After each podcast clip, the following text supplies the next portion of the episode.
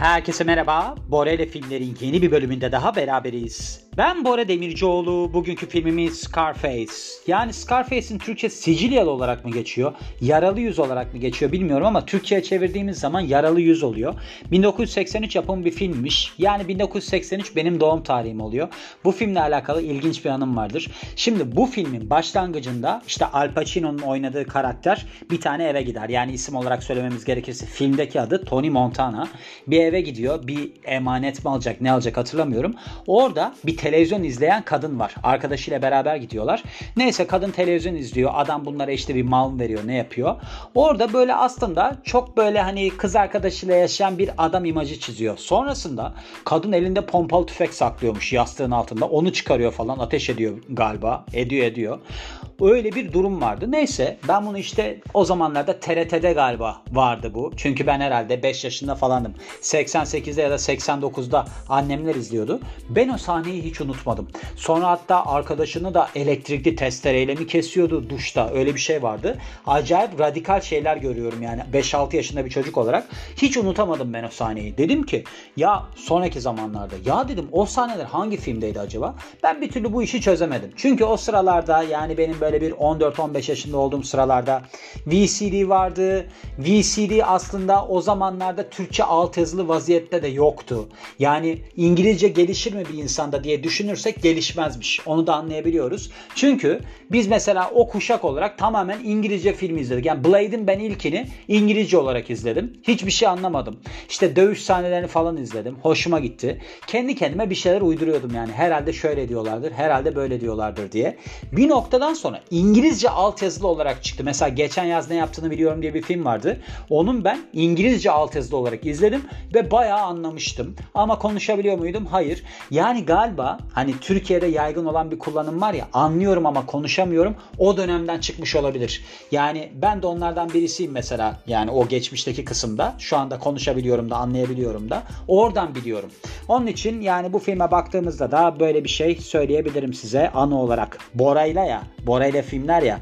Bora'yla kısmında yastığın altına saklanmış bir tüfek ve sonrasında gelişen olayları hatırlıyoruz yani film bazında.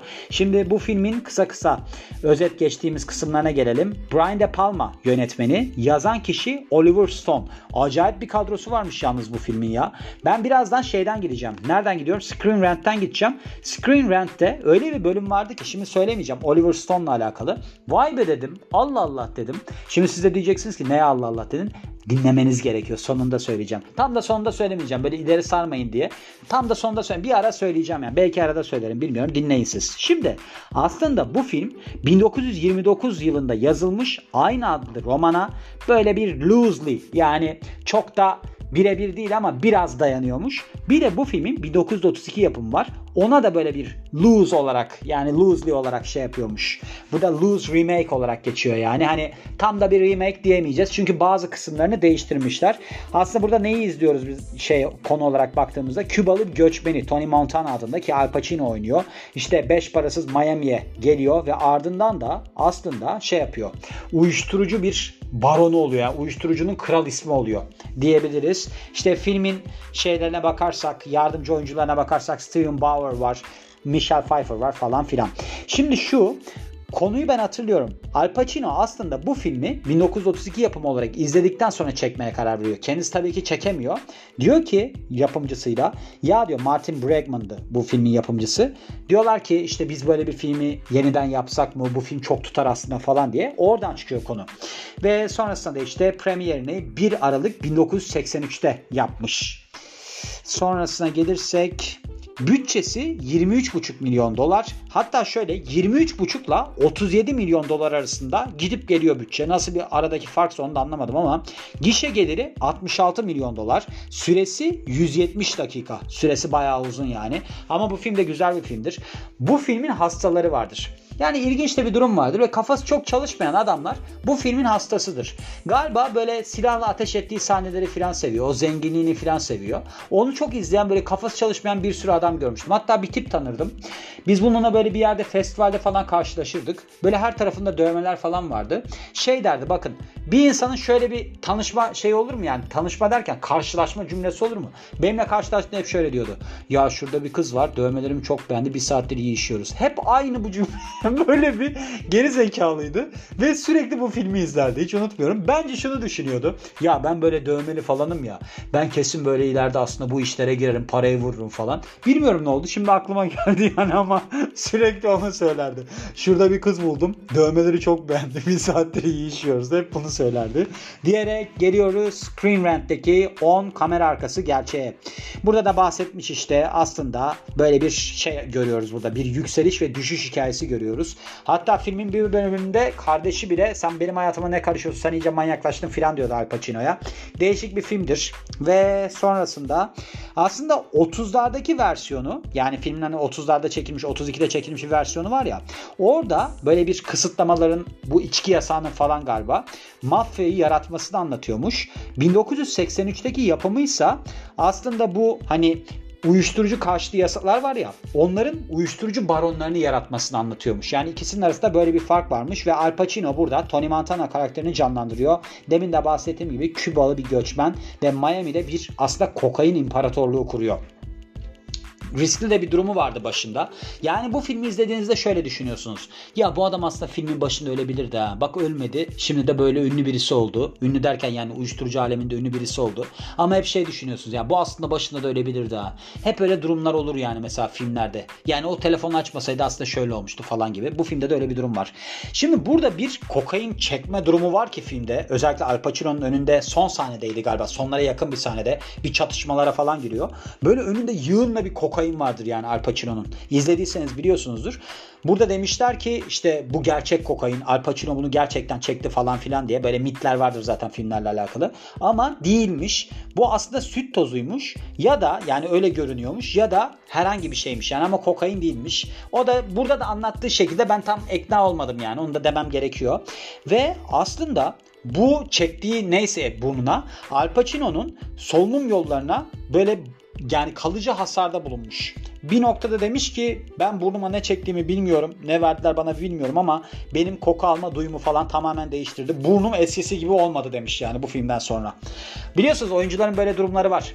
Mesela şey vardı ya Gladiator filminde oynayan Russell Crowe vardı ya. Russell Crowe şey demişti. Gladiator filminin çekimlerinden sonra sırtımı öyle yaraladım ki bir daha da kendime gelemedim falan. Russell Crowe da şu anda bayağı morbid obez. Yani yakında ağır yaşamlarda falan görebiliriz. Herhalde sırtı psikolojisini bozdu iyice. Bu adam ne hale geldi gerçekten ya. Yani mesela Tyler Durden karakterini dinleyebilirsiniz. Bora ile filmlerin ilk bölümüdür. Dövüş kulübü.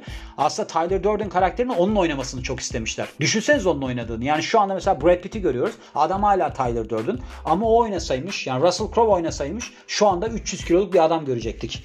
İyi ki de oynamamış şöyle Tony Montana'nın annesini oynayan aktris aslında Al Pacino'dan 4 yaş büyükmüş. Böyle bir durum şeyde de vardı. Büyük İskender filminde de vardı. Hatırlarsınız Angelina Jolie oynuyordu.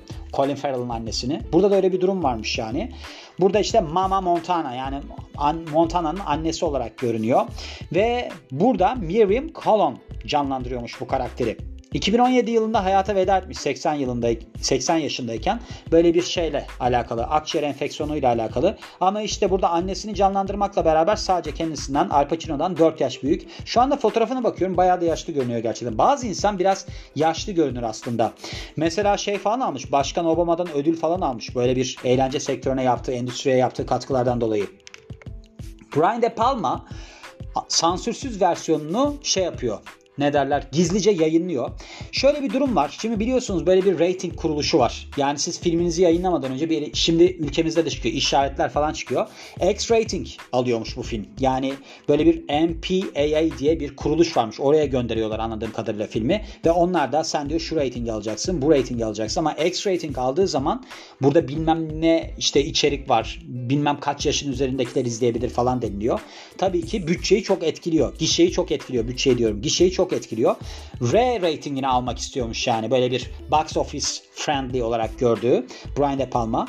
Ama bir türlü alamıyor bunu. Birkaç kere böyle üç kere girişimi oluyor. İşte şu sahneye attım, bu sahneye attım falan diye. Dediğim gibi filmin başına böyle bir elektrikli testereyle arkadaşını falan kesiyor yani.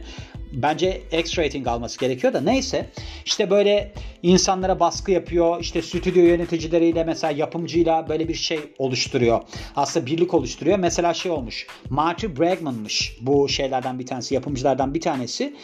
Gerçekten de narkotik polisleriyle beraber bu MPA'in şeyleriyle, memurlarıyla oturmuşlar, izlemişler filmi ve narkotik çalışanları da demiş ki film demiş çok gerçekçi. Aslında insanların bu uyuşturucudan ne kadar nefret etmesi gerektiğini falan anlatıyor. Neyse bu şekilde rare rating almayı başarmışlar. Yani insanları ikna ederek.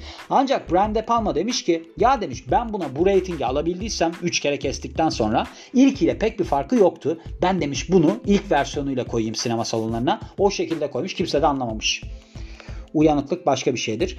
Burada silahların ateşlenmesiyle alakalı bir senkronizasyon varmış kamerada. Normalde silahlar ateşlendiğinde işte kamera bunu yakalamazmış. Yani birkaç açıdan çektikleri için işte silah ateşlendiğinde başka kamera açısı falan. Hani o ışık çıkıyor ya silahın ucundan. O çok da yakalanmıyormuş. Ama burada buna dikkat edilmiş. Bilmiyorum bunun olayı nedir ama yani çok önemli bir şey midir bilmiyorum ama Brian De Palma'nın herhalde titizliği.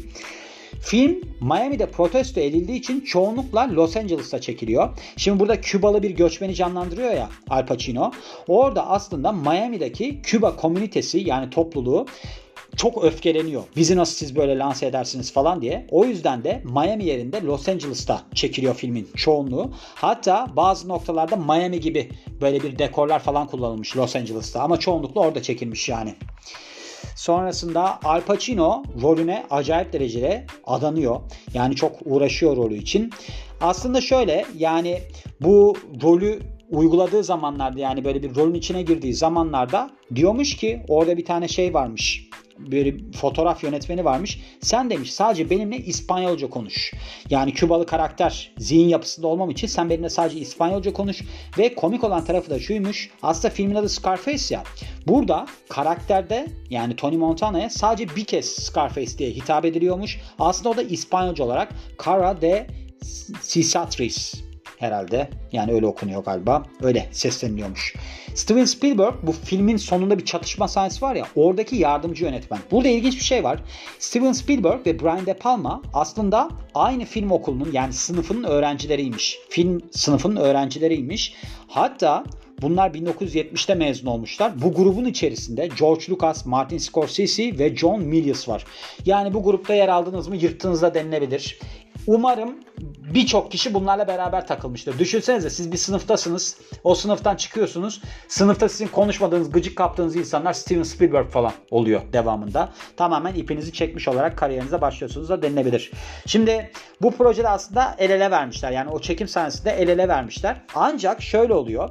Steven Spielberg diyor ki sen diyor benim adımı geçirme. Yani bu işbirliğinden bahsetme filmde. Çünkü ben sadece senin filmin olmasını istiyorum diyor. De Palma'nın filmi olmasını istiyorum diyor. Sonra Glenn Close ve Carrie Fisher aslında Elvira rolü için düşünülmüş. Yani Michelle Pfeiffer'ın oynadığı rol için düşünülmüş. Hatta sadece bunlar değilmiş. Mesela Sigourney Weaver, Gene Davis, Sylvia Crystal ve Sharon Stone ve birkaç tane daha Kelly McGillis de yer almış bu adaylar arasında. Ancak sonunda Michelle Pfeiffer alıyor. Michelle Pfeiffer'ın zaten bence karakteri çok iyi ya burada. Böyle hatta bir rolde bir şey var değil mi? Bunun aslında sevgilisi olduğu adam sonra Al Pacino ile sevgili oluyordu ya. İşte öncesinde sevgili olduğu adam şey diyordu. Kadınların hayatını hiç anlamıyorum. Yarısı giyinmeyle yarısı soyunmayla geçiyor gibi bir aşağılayıcı şey vardı. Kadının da aslında Michelle Pfeiffer'ın böyle tehlikeli bir hali vardı. Birine yanaşıyor ama tam da yanaşmıyor. Ne yaptığı da belli değil. Öyle bir durum yani. Scarface aslında F-Bombs en çok barındıran film olmasıyla bir rekora sahipmiş bir zamanlar. F-Bombs dediği yani fuck fuck fuck fuck fuck kelimesi öyle diyelim. Şimdi şöyle Film aslında dakika başında 1.21 fuck kelimesini içeriyormuş. Yani 207 kez kullanılıyormuş bu film içerisinde. Ancak sonrasında bu rekoru The Wolf of Wall Street, Straight Outta Compton ve de Pulp Fiction kırıyor. Yani bunun elinde bulunan rekoru alıyorlar. Şu anda da rekoru elinde tutan SwearNet Net The Movie'ymiş. Burada 935 kez kullanılıyormuş effort. Sonra Oliver Stone bu ilginç olan kısmıydı. Hani dedim ya Oliver Stone'la alakalı bir şey aktaracağım ama nerede aktaracağımı da söylemiyorum. Dinlemeniz gerekiyor falan diye. Kendisi Oliver Stone senaryo yazımı kısmında kokainle mücadele ediyormuş. Kokain bağımlılığıyla mücadele ediyormuş. Şimdi bu Oliver Stone işte bu deneyimlerini falan paylaşması için yani Tony Montana'nın aslında bir noktadan sonra kokaine düşmüşlüğü var ya kafada gidiyor yani.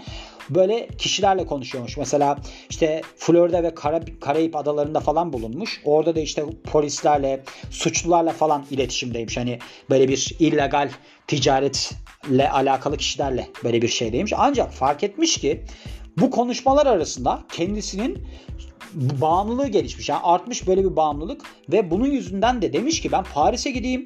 Çünkü ben bu çevremi değiştirmeliyim. Yani bu adamlarla takıla takıla ben iyice bağımlı olacağım. Öleceğim yani devamında demiş. Sonrasında Paris'e taşınıyor ve diyor ki ben burada diyor alışkanlıklarım yani bu kokain alışkanlığımı şey yapacağım. Kurtulacağım bundan ve senaryoyu tam anlamıyla ayık kafayla yazacağım diyor ve öyle de yazıyor. Bir cümleyi galiba düşük kurdum ama yapacak bir şey yok. Bazen toparlayamıyorum. Şimdi İngilizceden direkt çevirmenin böyle sorunları var ya. 50 tane şey var yani totally fucking cold sober falan gibi kullanımlar var yani. O yüzden de biraz zor oluyor. Ama gördüğünüz gibi hepsini de gayet başarılı bir şekilde aktardım.